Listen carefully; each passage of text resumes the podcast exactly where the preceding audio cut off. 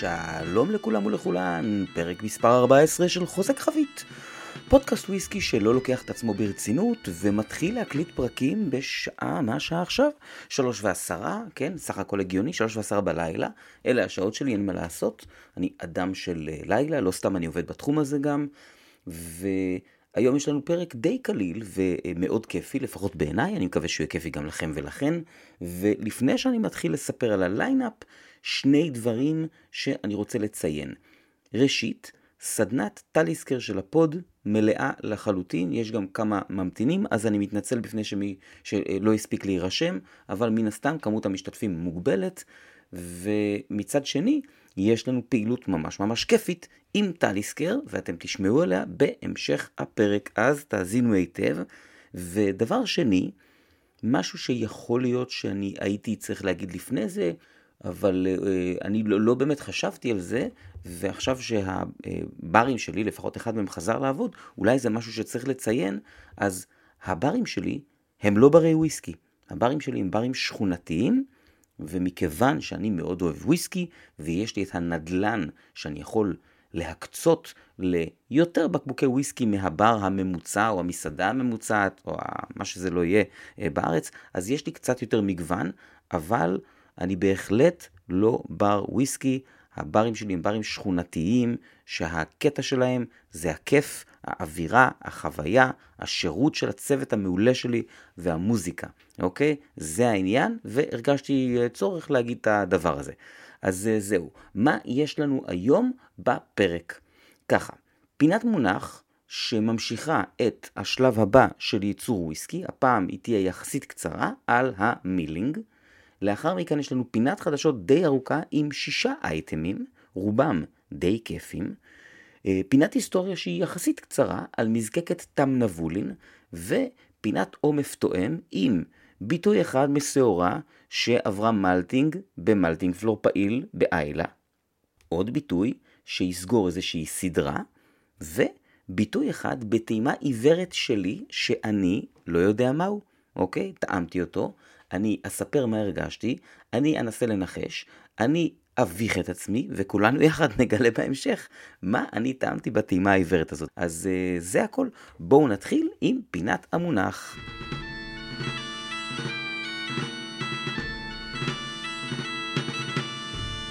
היום בפינת המונח אני ממשיך את תהליך הייצור, והפעם עם שלב שהוא יחסית קצר, שלב המילינג, אבל לפני יש שני תיקונים לפינה הקודמת. אני אתחיל עם זה שבסוף הפינה הקודמת אמרתי שבסוף תהליך המלטינג יש לנו כבר סוכר פשוט, שזה כמובן לא נכון. טעות שלי, שאפילו לא שמתי לב אליה, אז אני רק מזכיר שאנחנו בסוף תהליך אה, ה malting, אה, אנחנו עוד לא פירקנו את הסוכר, אנחנו מוכנים לזה. מי שזוכר בפרק 11 דיברתי על זה שאנחנו רוצים לשלוח אס.אם.אס ער או ערה לאנזימים, להניע את התהליך האנזימטי, אה, ואנחנו מתחילים את זה ב steeping, ובעצם הפעולה הזו הושלמה. הפירוק ייעשה בשלב הבא, שאנחנו נדבר עליו בפרק הבא, בשלב הבישול. אנחנו כרגע רק סיימנו לעורר את האנזימים. דבר שני, ודרך אגב, מאוד מאוד מעניין. קיבלתי הרבה מאוד תגובות על כל הנושא של מלטינג פלורס והסיפור הזה של כן עשן ולא עשן וכן הלאה. אז אני רוצה לתקן משהו טכני אחד ולבסס היטב משהו אחר. דבר ראשון, אמרתי שהתהליך של המלטינג קורה בקומה העליונה ואז גורפים למטה את ה...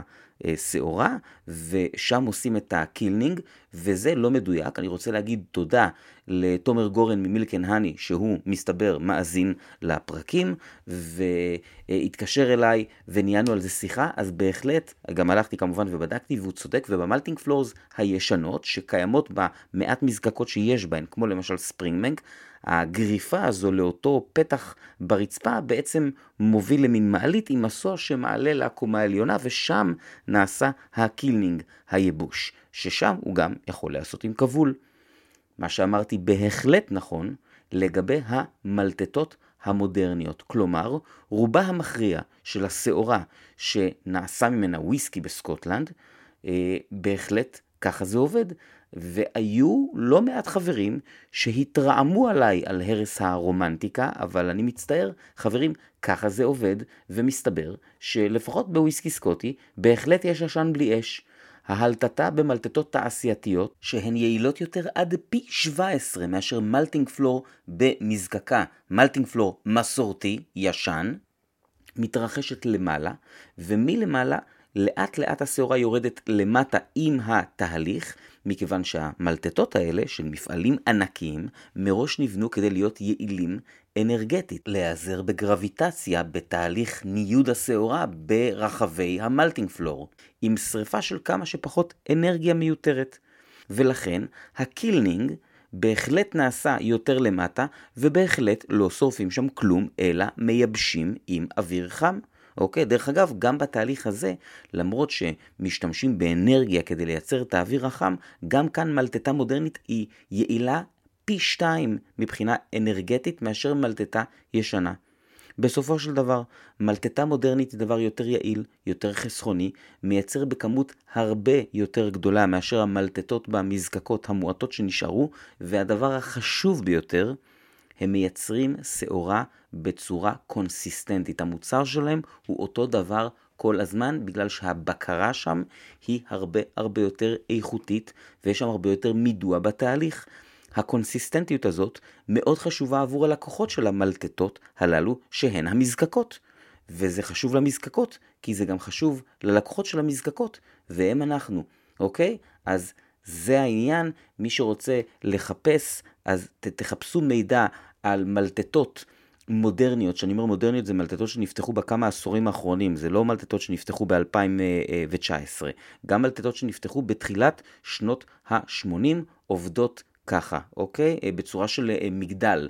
אה, אז, אז תחפשו על זה ותוכלו לראות איורים וציורים וסרטונים ומה שאתם לא רוצים. אוקיי, עכשיו אנחנו עוברים הלאה לחלק יחסית אה, קצר, ו... אה, בין אם הדגן מגיע ממלטטה כזו חיצונית או מולטט במזקקה עצמה, בכל אופן, לאו דווקא בשנייה שמסיימים את המלטינג, אה, משתמשים מיד בדגן. לרוב יש איזושהי אחסנה לתקופה קצרה, מאחסנים את השעורה בסיילוז כאלה עד לשימוש, חלון זמן שבו ניתן להשתמש אה, במלט, כמובן שזה לא לנצח, מדברים על בין חודש לשלושה חודשים, כתלות במזג אוויר, לחות, חום וכן הלאה וכן הלאה, ובכל אופן, כשמגיע הרגע, השעורה עוברת ל milling טחינה. לפני שהיא עוברת ל milling, היא עוברת עוד איזשהו מין מיון סופי על מין אה, מכונה כזאת, במין מכונה שנקראת destoner, מוציא אבנים, נקרא לזה ככה, על איזה מין מסוע רוטט כזה. ואם אתם מאזינים לפודקאסט אה, באופן קבוע, אתם כבר יודעים שאני עכשיו אגיד שהשם שלי בכלא היה מסוע רוטט, אז הנה אמרתי את זה. ובכל אופן, הדיסטונר ממיין החוצה כל מיני שאריות של למשל אבנים קטנות, או כל מיני נגיד פיסות מתכת, או כל מיני דברים שמשום מה נשארו בשעורה, ומן הסתם מקומם לא בייצור וויסקי. אחרי שהשעורה עברה בדיסטונר הזה, היא עוברת תחינה במין מגרסה, או באנגלית מיל. יש כמה סוגים של מגרסות שנבדלים זו מזו בהיבטים טכניים של איך שהם עובדים, אבל המטרה היא אותה מטרה והתוצאה היא תוצאה זהה. המטרה של הטחינה היא לשבור את הגרעין, ובעצם לאפשר לעמילן שבתוכו לבוא במגע עם המים בבישול, ושם האנזימים שהערנו יפרקו אותו לסוכר פשוט, ועל זה אנחנו נדבר בפרק הבא. מה שכן אני רוצה לומר זה שהתוצר של ה milling, של הגריסה, זה לא קמח דק. התוצר של ה milling נקרא grist.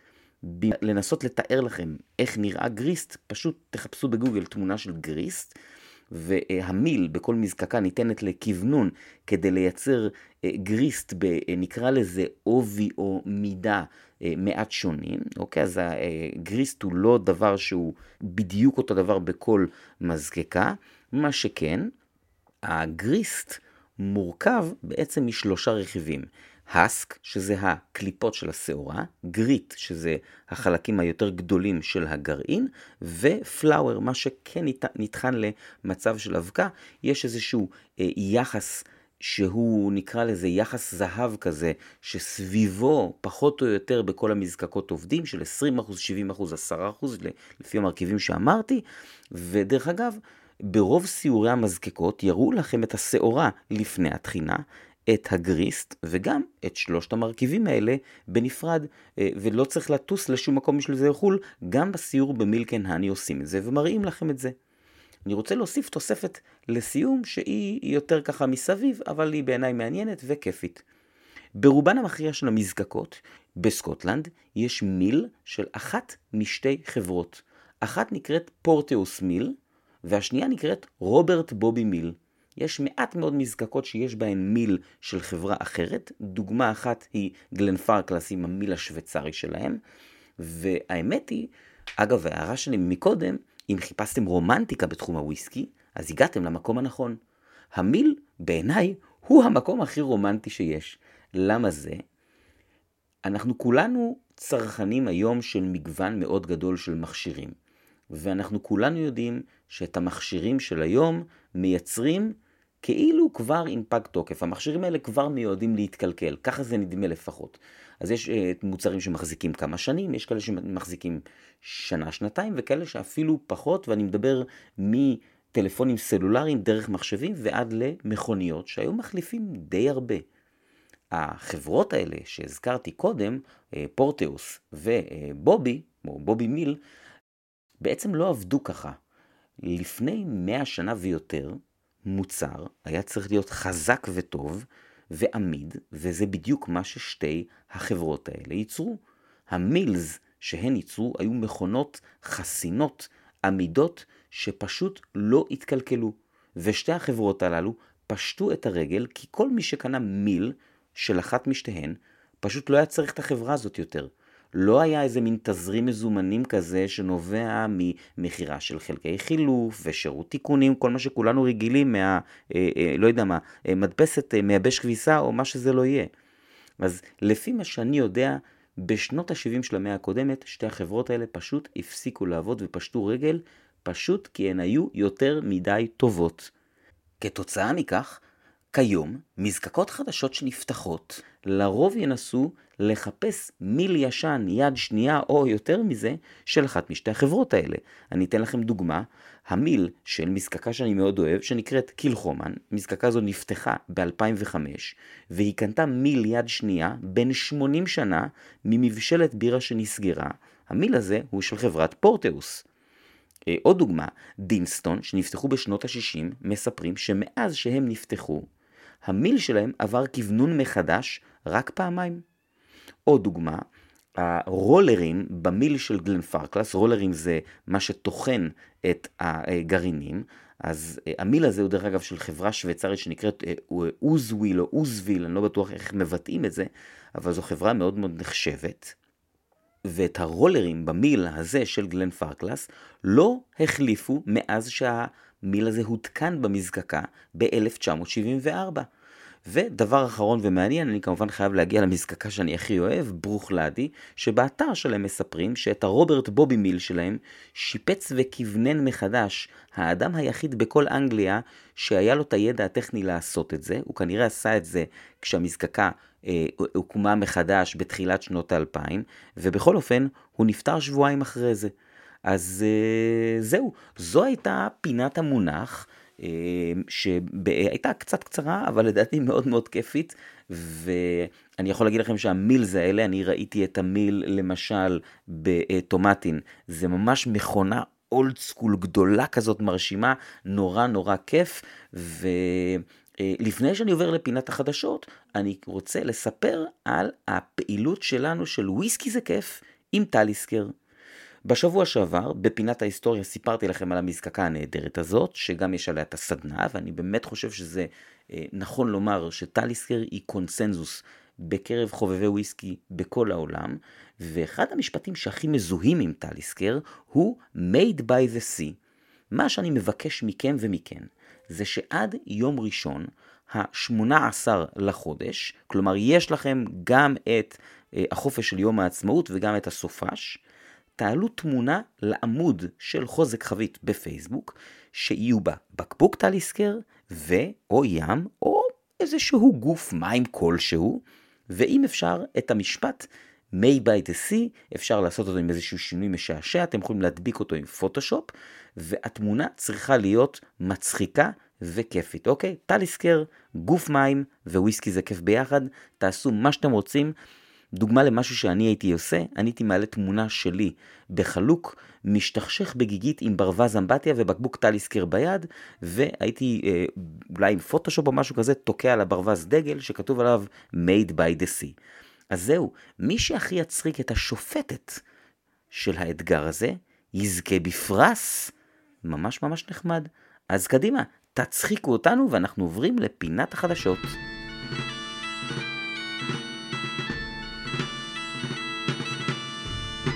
היום בפינת החדשות יש לי שישה אייטמים שהאמת היא שרובם ממש ממש כיפים ונחמדים. אז בואו נתחיל עם מזקקת גלן סקושיה, שמציגה את הבקבוק השנתי שלה עבור מה שנקרא קמבלטאון מלץ פסטיבל, יש שם איזה פסטיבל שנתי כזה. הפעם מדובר בוויסקי שהוא לא מעושן, בניגוד לגרסאות האחרונות שהיו. הוא רשמית בן 10 למרות שהוא כולל וויסקי שזוקק בשנים 2009 עד 2011, זאת אומרת 10 או קצת יותר, ולאחר יישון בחביות ex bourbon במילוי ראשון בלבד, הוא עבר finish של חמישה חודשים בחביות יין אדום מבורדו. הוא מגיע בחוזק נאה של 56.1%, ואני עוד לא טעמתי אותו, אבל את שלוש המהדורות הקודמות של אה, גלנסקושיה של הפסטיבל טעמתי, והן היו מצוינות כולם. אני חושב שאלה לחלוטין הטובות ביותר שטעמתי מגלנסקושיה, זאת אומרת זה הביטויים הכי טובים שטעמתי מהם, המהדורות אה, פסטיבל האלה, אה, ואני אומר את זה גם אחרי ששניים מהם היו בסדנת גלנסקושיה שהעברתי עם שמונה ביטויים, וכמובן עוד כל מיני דברים אחרים שטעמתי מהמזקקה, אז ממש ממש אה, אחלה ויש למה לצפות, ואני מאוד מקווה לטעום אותו ולדווח. אני עובר לאייטם הבא של משהו שאני בהחלט לא אטעם ולא אדווח, והוא דיאג'ו משיקה שלישיית בקבוקים חדשה ממזקקת ברורה שנסגרה ב-1983. על מזקקת ברורה אפשר הרבה מאוד לספר, אני מבטיח שאני אקדיש לה פינת היסטוריה ארוכה אה, בעתיד, אבל מכיוון שמדובר בפינת חדשות, אני כרגע לא נכנס לעובי הקורה, אני רק בשורה אומר למי שלא מכיר, אה, ברורה מזקקה מההיילנד היא למעשה מזקקת קליינליש המקורית. בעצם השם שלה שונה לברורה ב-1975, כשאני אדבר על זה בפינת חדשות עתידית אתם תבינו למה היה צריך לשנות לה את השם ולמה יש מזקקת קליינליש אחרת. בכל אופן, השלישייה החדשה הזו כוללת בעצם שלושה בקבוקים משלוש תקופות שונות של ברורה. בכל תקופה המזקקה הזו עברה, עבדה בצורה מעט שונה מבחינת היקף ייצור ומבחינת רמת או רמות עישון שונות של אה, וויסקי. והבקבוקים האלה כוללים, קודם כל יש אה, וויסקי בן 48 שזוקק ב-1972, 42.8% אלכוהול, הוא הברורה המבוגר ביותר שבוקבק, ואלה שנים שבהן ברורה יצרה בעיקר וויסקי מעושן, אבל לא רק, אני טעמתי ברורה אחד מהשנה הזו, שהוא היה מעושן אה, די קל. הבקבוק השני בסדרה, בן 43, זוקק ב-1977, מעושן כבד, 48.6% אלכוהול. בקבוק שלישי, בן 38, זוקק ב-1982, 47.5% אלכוהול, והוא מהשנים שהמזקקה בעיקר ייצרה וויסקי לא מעושן, בעיקר עשתה וויסקי קצת יותר אה, מעודן. אני טעמתי ברורה מ-1983, והוא היה מאוד שונה מזה מ-72, היה מאוד אפרסקי, קצת טעמים של מי ורדים, הוא היה לי מאוד מאוד uh, טעים. והסיבה שאני לא הולך לטעום את זה, זה שהשלישייה הזו של בקבוקים, שדרך אגב גודלם חצי ליטר לפי מה שהבנתי, ולא 700 מיליליטר, uh, עולים רק 30 אלף פאונד, אז אני uh, בדיוק, אין לי תקציב לעניין הזה, ולכן אני אעבור לאייטם הבא. האייטם הבא מתחיל עם מזקקת ג'ין בשם Isle of Barra, שהוקמה ב-2016 בדרומו של אי בשם בארה, שנמצא במערב סקוטלנד. אם יש, יש לכם את מפת סקוטלנד בראש, אז האי הזה נמצא כאילו בקו די ישר מערבה מהשפיץ הדרומי של האי סקאי, או למי שמכיר מיקום של מזקקות, מערבה וטיפה צפונה מבן נביס. אז בגדול, מזקקת הג'ין הזאת הודיעה על תוכניות להתרחבות משמעותית שכוללות בניית מזקקת וויסקי חדשה. התוכניות הוגשו עלות הפרויקט כחמישה מיליון פאונד, והיא אמורה להתחיל לעבוד באמצע, הם אומרים, באוגוסט 2023, ובתור התחלה הם מדברים על מזקקה קטנה שתייצר כ-100 אלף ליטר new make בשנה, עם אפשרות להכפיל את הכמות בעתיד, זאת אומרת זה עדיין מזקקה מאוד מאוד קטנה. אה, הוויסקי הולך להיות מיושן בחביות ex bourbon, sherry hogsheads ו ex קברנה סוביניון, ולפי מה שאני מבין מהחומר שקראתי, הוא מיועד להיות וויסקי לא מעושן, אבל כן עם איזשהו מין אופי ימי כזה של אה, וויסקי מהאים, קצת מלוח, ומי שמייעץ לבעלי המזקקה, שהם זוג בשם מייקל וקייטי מוריסון, הוא אלן וינצ'סטר. שעובד בתעשיית הוויסקי יותר מ-40 שנה, הוא עבד ביותר מ-20 מזקקות, ומ-2009 הוא ה master distiller של גלן ליבט. האתר שלהם מאוד נגיש, אני ממש ממליץ לחפש אותו, אה, Barra distillery, ויש שם הרבה, נושא, אה, הרבה דגש על נושא איכות הסביבה. הם מאוד שקופים בכל מה שקשור לתוכניות העסקיות שלהם, והם ממש עשו לי חשק לקנות שם חבית מראש, יש שם אפשרות כזאת. אה, זו השקעה של 5,000 פאונד, ועד לעת הבקבוק, הם גם נותנים 10 שנים של אחסנה. אז אה, זהו, מגניב, כיף, יפה ובהצלחה לזוג מוריסון, ואנחנו נעבור לאייטם הבא. אייטם אה, קצר שאני בעיקר רוצה להצביע בו על איזושהי מגמה. מזקקת הינץ' מצפון אירלנד הוציאה איזושהי סדרה של שלושה ביטויים. הנה, אנחנו שומעים את החתולה שלי ג'ין שלא אוהבת וויסקי אירי, זה קטע, רגע, אני צריך לקום לפתוח לה את הדלת, הייתם מאמינים? בסדר, אני בא, אני בא.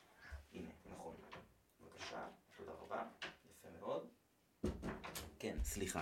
היא לא אוהבת וויסקי מצפון אירלנד, יש לה איזה קטע כזה עם קתולים פרוטסטנטים, לא משנה.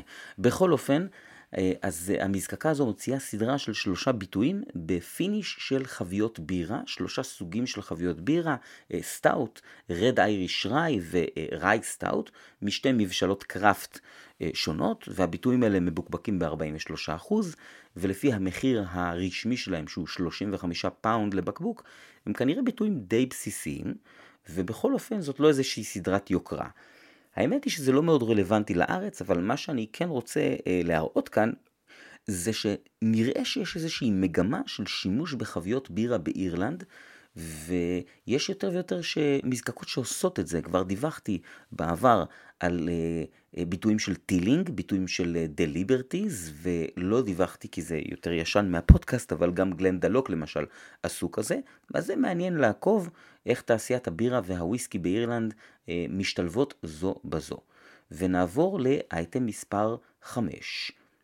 במהלך הימים הקרובים, כנראה, מרגע שהפרק הזה יעלה, אולי זה יהיה קצת יותר, אבל זה אמור לקרות ממש בקרוב, אתם תוכלו למצוא ברשת החנויות דרך היין שלושה בלנדד מלטים מבית BBR, ברי ברוזן רד, שהם מבקבק עצמאי ידוע בתחום הוויסקי, ולמעשה אה, משפחת סוחרי יין הוותיקה ביותר באנגליה ממה שאני יודע, הם אה, סוחרים ביין ובאלכוהול מ-1698. בכל אופן, שלושת הבקבוקים האלה הם בלנד מלטים כאמור ללא הצהרת גיל, הם מבוקבקים כולם ב-44.2% אלכוהול, והם בעצם שייכים לסדרה שנקראת The Classic Range של ברי ברוז, סדרה שהושקה בשנת 2018, ויש לנו שם בעצם blended malt אחד ספייסייד, blended malt שני של וויסקי בחביות שרי בלבד, והשלישי הוא blend מוויסקי מהאי איילה בלבד. אני לא יודע באיזה מחיר הם יימכרו, אבל אני כן יכול להגיד לכם שלא מדובר בבקבוקים יוקרתיים או איזה משהו כזה, זאת אומרת זה אמור להיות אה, בהחלט וויסקי אה, שהוא נגיש לכולם. ואני עובר לאייטם האחרון שהוא אה, מין אייטם עתידי כזה, מכיוון שכמו שאתם מאזינים או אולי לא מאזינים, אני לא מקליט באותה התדירות שהייתי רוצה, ולכן אני לא יודע מתי אני אקליט את הפרק הבא, מכיוון שאני הרבה יותר עכשיו אה, עסוק עם הבר כמובן. ולכן החלטתי שאני אתן כבר עכשיו את העדכון, אה, כי יש משלוח חדש של Blackadder שהוא בדרך לארץ, הוא עדיין נמצא בים, אז בדרך לארץ יש 12 ביטויים שונים של Blackadder, חלק מהם כבר היו כאן במשלוח הראשון, למשל ה Lochindaal המעולה שמאוד מאוד אהבתי, ו Smoking Islay למשל, שהוא אה, טיספ ממזקקה שיש בה malting floor פעיל, אבל Jim McEwan לא עבד בה, ובהצלחה לכל ה whisky geeks למצוא אותה, זה לא קשה. ויש גם מספר ביטויים חדשים, לדוגמה, Caol Ila בן תשע, Tomatin בן 12, שדרך אגב, אה, זה המקום להגיד ש Tomatin בעיניי זו מזקקה שלא מקבלת בארץ את היחס שהיא ראויה מאוד המזקקה הזו. אה, למשל, ביטוי שמגיע שהוא מהדורה חדשה, אה, נחש חדש במשפחת הסנייקים הוא ה Sherry Snake, כלומר זאת מהדורה של Red Snake, אבל בחבית שרי אולורוסו, ועוד ביטוי שמגיע הוא Bunnahabhain בן 28 ב finish שרי, מהסדרה הגבוהה של Blackadder שקוראים לה Statement. בנוסף לזה, כפי שהדוק בעצמו אמר, אה, הולך להגיע גם רום לארץ, רום בן 15 מפנמה. ואני יודע שיש לי מאזינים שהם חובבי רום, אז אני מציין את זה גם לכבודם. אז זהו, זו הייתה פינת החדשות, ואנחנו נעבור לפינת ההיסטוריה, תוך כדי שאנחנו שומעים את ג'ינקה.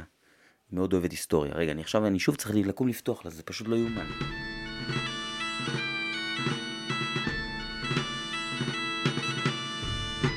פינת ההיסטוריה היום עוסקת במזקקה בשם תמנבולין, שנמצאת ממש בדרום דרום הספייסייד בסקוטלנד, והשם הזה תמנבולין אולי מזכיר שילוב של תמדו ולגבולין, והפירוש של השם הוא באמת שילוב של שניהם. אה, תמנבולין הוא המפעל או המיל, דיברנו על מילס בפינת המונח, המיל שבראש הגבעה. אני מזכיר שמיל, אמרתי את זה בכמה פרקים בעבר, הוא בעצם כינוי לאיזשהו מין מפעל באופן כללי, זה לא חייב להיות מקום שבו טוחנים משהו, תכף תראו את הדוגמה.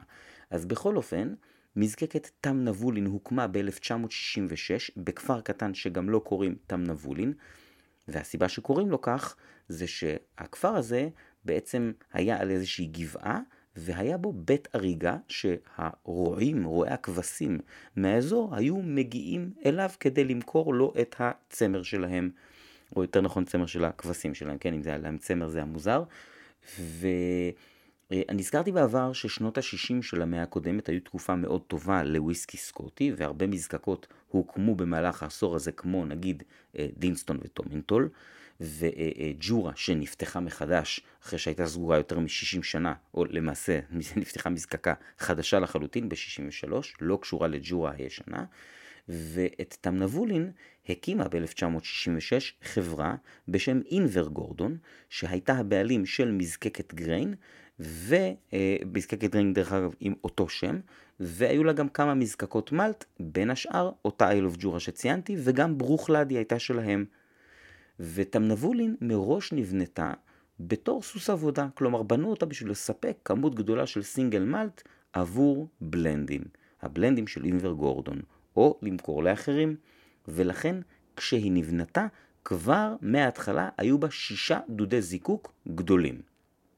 שנות ה-70 היו שנים פחות מוצלחות עבור תעשיית הוויסקי, ושנות ה-80 כבר היו ממש משבר, רק לפני אה, כמה דקות שמעתם שב-1983 נסגרה מזקקה בשם ברורה, וכמובן שהיו עוד. אז בעצם חברת אינבר גורדון כולה, ב-1993, אחרי כל המשבר הגדול הזה, נרכשת על ידי חברה שנקראת White and McKay, ושנתיים אחרי הרכישה, ב-1995, White and McKay בגלל שאין מספיק ביקוש בעולם לוויסקי, מחליטים שהם משביתים את תמנבולין. אז תמנבולין ב-1995 מפסיקה לעבוד, היא לא מפורקת, היא פשוט נסגרת. המינוח המקצועי לזה זה mothballed, באופן כללי שתדעו שאתם אה, קוראים על מזקקה שלא עובדת, היא יכולה להיות או mothballed, כלומר mothball זה אה, כדור נפטלין. וזו מזקקה שהיא כנראה, או לפחות בהשקעה לא גדולה, להפעיל אותה מחדש. האופציה השנייה היא מזקקה שהיא דיסמנטלד, כלומר מזקקה שהיא נסגרה ופירקו אותה. כלומר, מכרו את הדודים לצורך העניין, את כל הציוד, והיא לא מזקקה שבאמת אפשר לבוא ולהתחיל לעבוד לא בהשקעה מאוד גדולה. אז אה, אה, למעשה מ-1995 עד שנת 2000 תמנבולין לא עובדת, הייתה שם התעוררות ממש קצרה, כמה ראנים מה שנקרא, ב-2000 ושוב היא נסגרה, והיא לא חזרה לעבוד עד 2007. מה קרה ב-2007?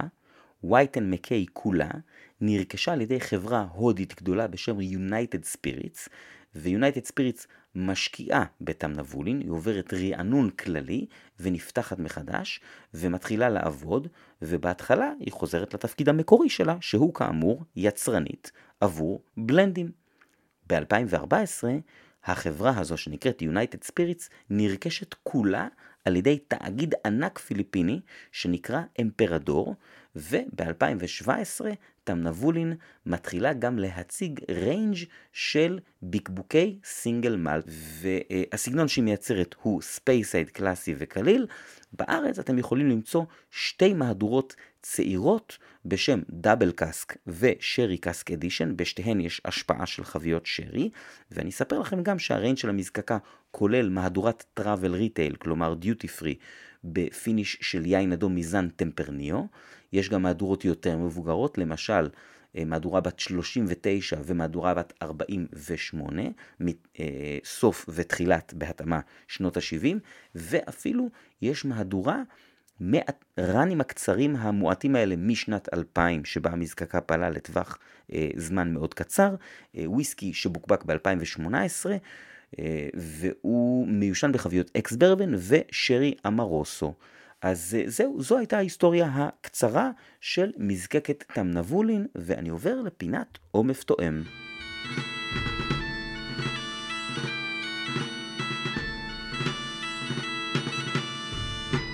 היום בפינת עומף תואם, כפי שאמרתי, יהיו שלושה ביטויים. אני מתחיל עם ביטוי אחד שנעשה במלטינג פלור פעיל של מזקקה שאני מאוד אוהב, והוא קילחומן 100% איילה, מהדורת 2020.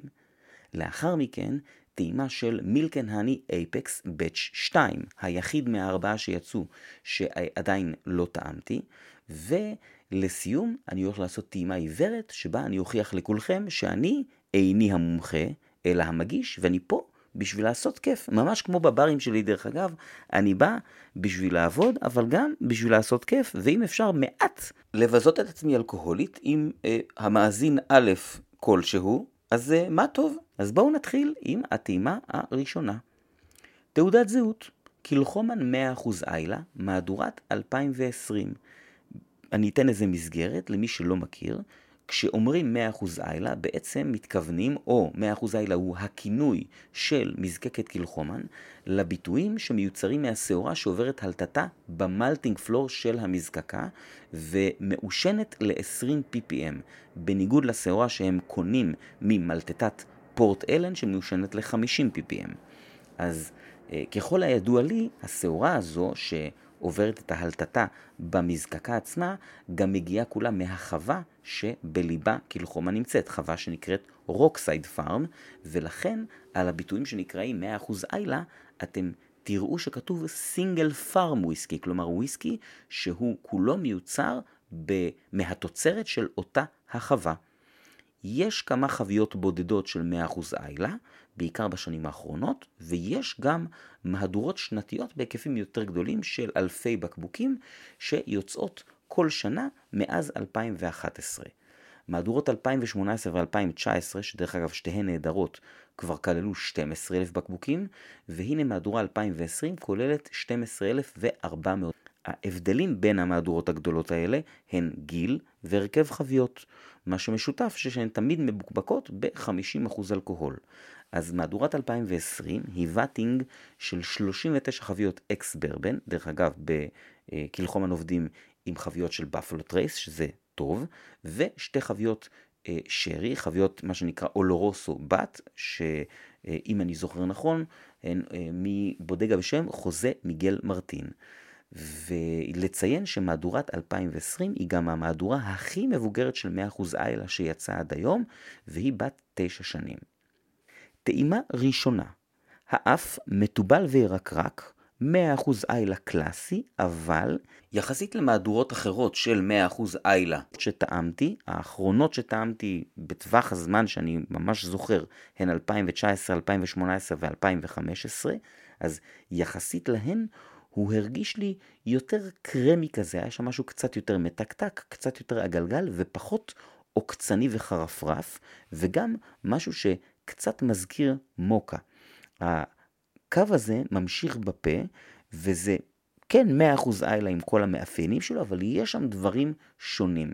התבלינים והעשן יותר עדינים, הנוט הזה של אגוז מוסקת שאני תמיד מרגיש ב-100% איילה, הוא ממש ממש ממש עדין פה, ומה שכן יש פה, זה מין חמיצות פירותית כזאת. זאת אומרת, יש איזה משהו חמצמץ, כאילו הקטע החמוץ של פסיפלורה של גויאבה בלי המתוק שלהם.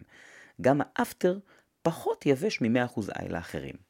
אחרי 20 דקות, ולמעשה כבר אחרי 10 דקות וככל שהזמן עבר, הפירותיות הזאת מתגברת ומתגברת, והאמת היא שהוא הרגיש לי כמו מין שילוב של 100% איילה ואיזה בירת IPA, נגיד משהו של ברודוג כזה.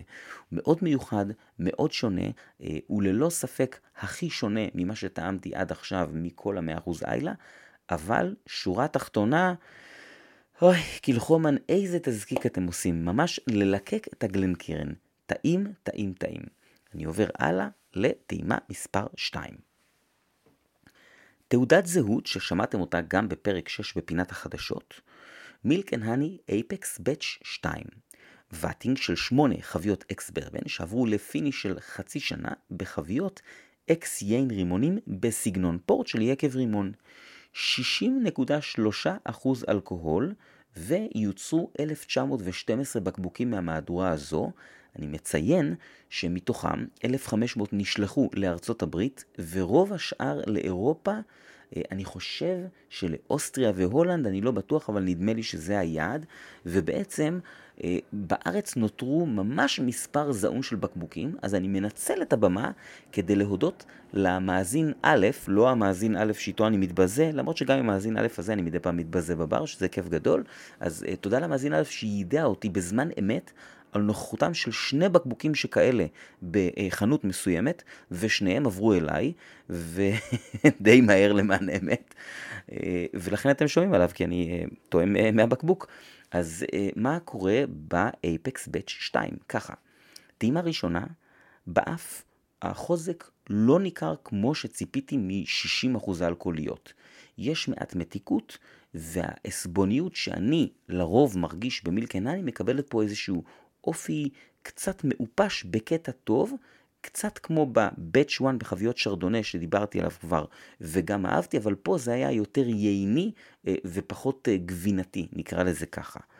אה, האף בגדול היה נעים, אבל הוא הרגיש לי סגור, ובפה, שלא כמו באף, החוזק יותר ניכר, אבל הוויסקי היה מאוזן. יש מיד בה, בהגעה שלו לפה שתי שניות של מתיקות שמזכירה רימונים, ואז חמיצות חזקה, טובה, שלא ציפיתי לה ומאוד אהבתי אותה. אחרי זה מתעוררת איזושהי עזבוניות שממשיכה לאפטר. זה וויסקי מהסוג שאני מכנה, כבר כיניתי כמה כאלה בעבר, וויסקי חם. זה וויסקי שאתה מכניס לפה, אתה מרגיש כאילו לפני שהגישו לך אותו, אה, מישהו חימם אותו לאיזה 2-3 מעלות מעל טמפרטורת החדר. אחרי 20 דקות, האף נפתח, הוא התאים את עצמו למה שחשתי בפה ישר בטעימה הראשונה, יש מתיקות קלה, יש הרבה חמיצות מסביב, הפה קצת נרגע בעוצמה והתאזן עוד יותר, ונוספה לו קצת מרירות כזאת עדינה ונעימה, ומה שהכי מעניין, האפטר קיבל עוד שני ממדים. הוא גם קיבל קצת מתיקות, ואחריה הוא קיבל הרבה יותר יובש. שורה תחתונה, טעים, מיוחד ומעניין, ואני רוצה לסייג שזה וויסקי לחובבי חמיצות בוויסקי. אה, דרך אגב, גם למי שאוהב יין לבן חמוץ, כמוני, אני מאוד אוהב יין לבן חמוץ, מינרלי ויבש, אז מי שאוהב את החמיצות הזאת, נגיד לדוגמה מי שיצא לו לטעום קולילה unpitted, קולילה לא מעושנים שהם חמצמצים, אז אה, אם זה הכיוון שלכם, אני ממש ממליץ שתשיגו לכם בקבוק, ואני שוב מציין, אם אתם רואים בקבוק, קחו בחשבון שאין הרבה כאלה בארץ שנשארו, הרוב הלך לחו"ל, אז אם אתם מתלבטים, יכול להיות שיומיים אחרי זה הוא כבר לא יהיה, אז אני רק אה, מציין את זה. זה לא משהו שהוא כמו האלמנטס שיש ממנו בכל חנות. אז זהו, אני עובר הלאה. אה, לאקט הסופי של הוכחת האני המגיש ולא המומחה, והוא אה, הולך ככה. המאזין שין, שהביא לי סמפל של משהו, ושאל אותי אם לגלות לי מה זה, לא בפעם הראשונה אנחנו עושים את המשחק הזה, שבו הוא נותן לי sample, או אני נותן לו sample, ואנחנו לא מגלים אחד לשני מה זה עד שאנחנו טועמים, אבל הפעם אמרתי, יאללה, אני אנסה לטעום, אני אעשה את זה בפודקאסט, ורק אחרי שאני אקליט ואעלה, הוא יגלה לי ואני אגלה לכם מה טעמתי, האם צדקתי או סביר להניח אה, שטעיתי, אוקיי? אז אה, תראו, טעימה עיוורת אה, זה משהו שאני מאוד מאוד מחבב, אני אוהב לעשות, אני עושה את זה בסדנאות שלי. העניין הוא שכשעושים טעימה עיוורת בסדנה, לרוב יש איזושהי מין מסגרת כזאת. כלומר, יודעים מזקקה, או לפחות יודעים משהו, כלשהו אזור. פה אין לי מושג, אני רק יודע, וגם מה זה יודע? אני מעריך בסבירות גבוהה שמדובר בתוצרת סקוטלנד, אה, וזה בהחלט בהחלט קשה. אז בואו נראה מה יהיה, אני אספר מה טעמתי, אני אנחש, וזהו. אז בואו נתחיל. טעימה ראשונה, אחוז אלכוהול גבוה. יש כאן משהו שלדעתי הוא חוזק חבית, זה לא 46 אחוז, לדעתי זה גם לא 50 אחוז, זה מרגיש לי יותר.